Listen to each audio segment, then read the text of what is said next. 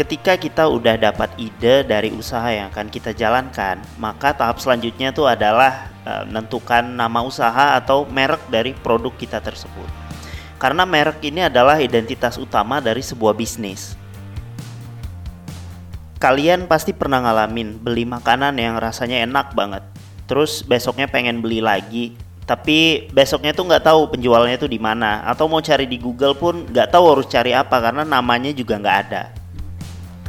Nah ini nih emang di Indonesia tuh masih banyak pelaku usaha yang gak merhatiin mereknya dengan baik. Mereka fokus sama kualitas produknya aja. Padahal ngebangun merek itu sama pentingnya dengan ngejaga kualitas dari produknya. Merek dari suatu produk adalah identitas yang perlu dipertahankan. Merek adalah pembeda antara produk kita dan produk yang lainnya. Bahkan banyak yang gak sadar kalau uh, merek merupakan kekayaan intelektual properti yang punya nilai. Contoh realnya nih ya, ketika sebuah perusahaan akan diakuisisi, nah itu uh, merek juga akan turut dinilai untuk memperhitungkan valuasi dari sebuah perusahaan. Ada banyak metode untuk ngasih nama pada usaha atau merek pada produk kita. Ada yang pakai namanya sendiri, ada yang pakai nama anaknya, ada yang pakai metode asosiatif, prefix, suffix, homofon, dan bla bla bla bla lainnya. Gue sempat lihat postingan temen gue yang cukup detail bahas soal metode pemberian nama merek ini di Instagramnya @indahjiwandono. Kalian bisa juga belajar langsung soal branding dari sana. Nah, salah satu metode yang pernah dia sampaikan itu adalah metode asosiatif. Nah, metode ini berarti kita nyari nama yang merepresentasikan langsung dari produk kita Contohnya Facebook ya merupakan gabungan dari kata face dan book gitu kan. Yang mana bisa diartikan sekumpulan uh, dari wajah orang-orang gitu. Atau Indah juga pernah bikin studi kasus misalnya mau bikin nama dari brand sampo penumbuh rambut. Jadi dikumpulkan dulu nama-nama yang identik dengan sampo dan penumbuh rambut. Misalnya sampo identik dengan hair clean, fresh, vitamin, nutrition, sedangkan penumbuh rambut identik dengan root atau akar rambut ya, long, grow dan lain-lain sebagainya. Nah, asosiasi dari kata-kata ini bisa kita main-mainkan gitu. Misalnya dengan teknik mencampur-campurkan dua kata, contohnya vitamin dan root menjadi vitaroot. Atau dengan teknik homofon, misalnya keratin yang tadinya dari huruf K kita ganti jadi pakai huruf Q gitu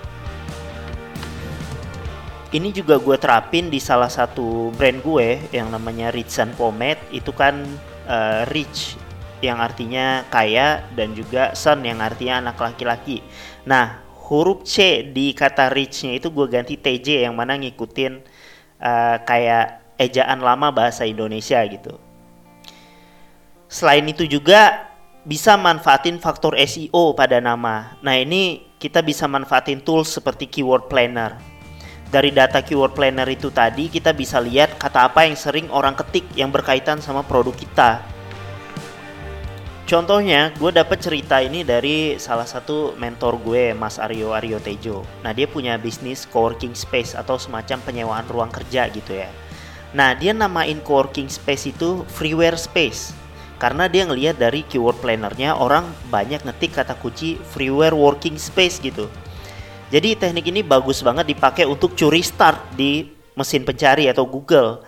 Tapi kalau kalian pengen nama-nama spesifik dan nggak bisa dipaksain masuk unsur SEO itu nggak apa-apa juga.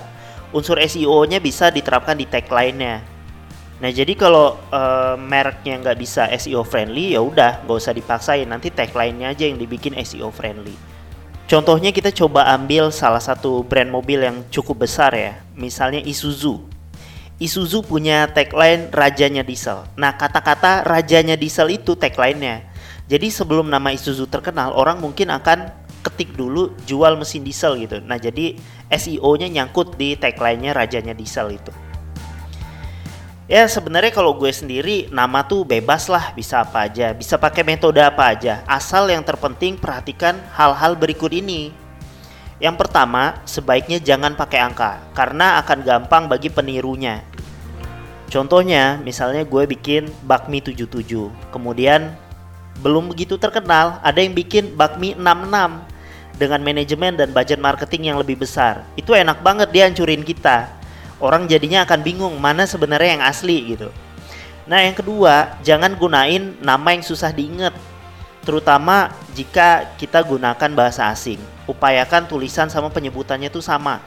Tujuannya supaya nggak bingungin karena target market kita kan Indonesia dulu nih. Jadi sesuaikanlah sama lidah orang Indonesia. Contohnya orang Jakarta aja masih ada yang nyebut busway jadi busway gitu kan. Ya, jadi ini patut dipertimbangkan lah supaya kalau nanti pemasarannya makin besar mulai masuk ke kampung-kampung jangan sampai penjual sama pembelinya tuh jadi bingung gitu ini pembeli mau beli apa sebenarnya yang ketiga googling dulu jangan pernah gunain nama yang sama dengan yang udah pernah ada selain itu kalian cek juga di websitenya Ditjen Haki udah ada nggak yang daftarin merek dengan nama yang sama yang kalian pilih mungkin yang kalian perlu tahu kalau pebisnis-pebisnis yang udah berpengalaman itu biasanya justru yang pertama dia urus tuh adalah daftarin mereknya dulu sebelum ngejalanin bisnisnya. Karena prinsip pendaftaran merek tuh kan sistemnya dulu-duluan. Ini juga berkaitan sama tadi yang sempat disinggung tentang valuasi usaha. Kalau mereknya mau punya nilai ya memang harus didaftarkan dulu sebagai kekayaan intelektual kalian.